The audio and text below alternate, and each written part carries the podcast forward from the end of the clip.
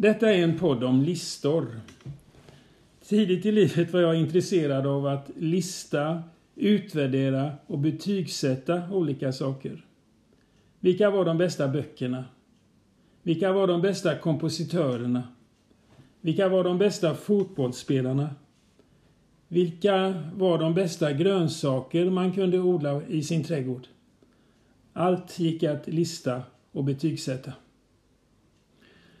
Jag växte upp i det fotbollsintresserade Göteborg och blev i motsats till mina kamrater Gaisfantast. Många var de timmar som tillbringades på Gamla Ullevi i Göteborg för att titta på de grönvita i Allsvenskan. Och efter matcherna så listades och betygsattes Gaisspelarna. Karl-Alfred Jakobsson, 4 poäng. Rune Gingård, 4 poäng. Stig Andersson, 5 poäng. Stig Andersson fick för övrigt alltid just 5 poäng. Låt oss då skapa den första listan. Vilka är de fem bästa fotbollsspelarna genom tiderna? Jag minns VM-finalen i fotboll mellan Västtyskland och Holland 1974. I början av matchen rusade en ganska späd holländsk spelare rakt igenom det tyska försvaret. passerar den ene tysken efter den andra och blir så småningom fälld med straff och 1-0 till Holland som påföljd. Johan Cruyff. Johan Cruyff var väl en av, eller kanske var, ledargestalten i den så kallade totalfotbollen som det holländska landslaget presenterade under 70-talet.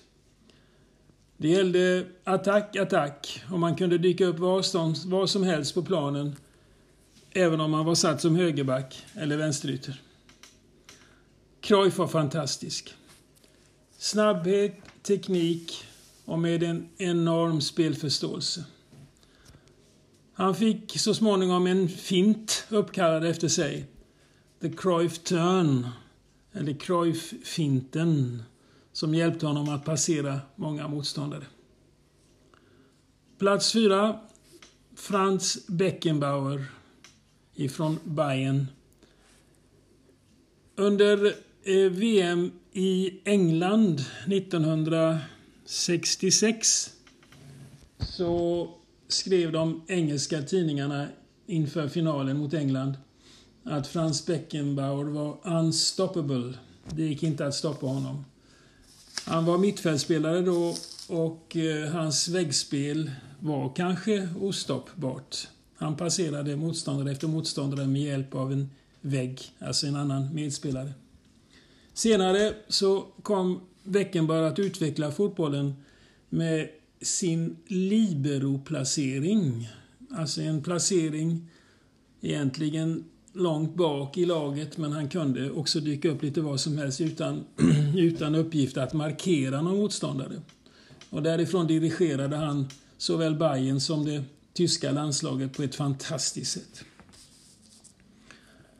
Jag minns en semifinal som han spelade mot Italien i en VM-turnering där han eh, skadade armen så svårt att han var tvungen att spela med mitella faktiskt.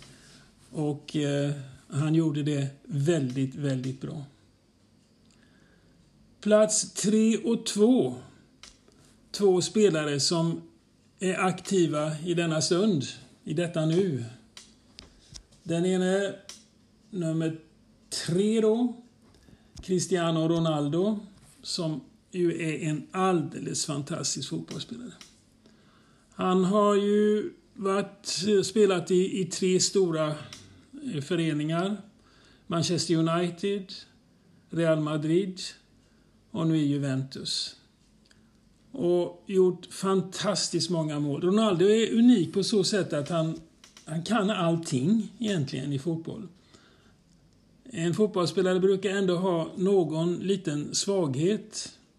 Men han kan allt. Han kan skjuta, han kan dribbla, han är snabb, han kan nicka och han har en osedvanlig förmåga att, att göra mål.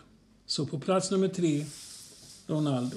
Plats två, en argentinare, Lionel Messi.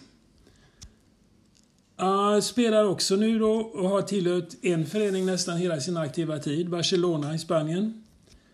Och vad är hans styrka? Ja, det är ju snabbhet, teknik, fotbollsförståelse, skott, allting. Liten svaghet med huvudspelet, men allt det andra är ju på så hög nivå att man nästan häpnar. Det sades ju ett tag om Barcelona som tycktes väldigt, nästan omöjliga att besegra.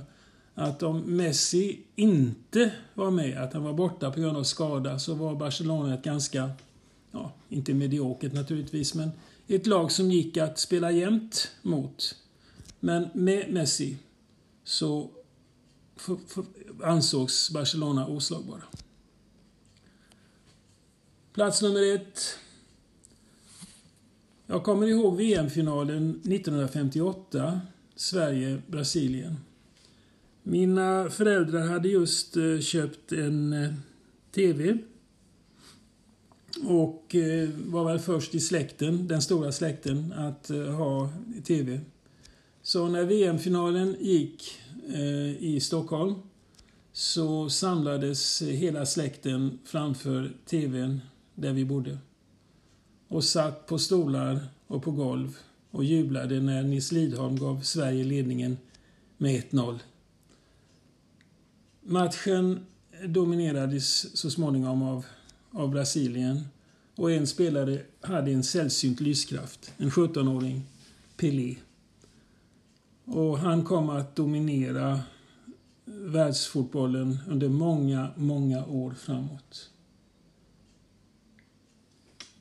Han var också, som Ronaldo, allkonstnär. Han kunde allting.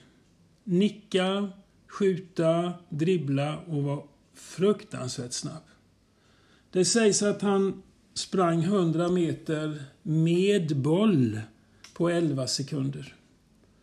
Pelé har också efter sin aktiva karriär varit en väldigt fin representant för fotbollen. En ambassadör för fotbollen.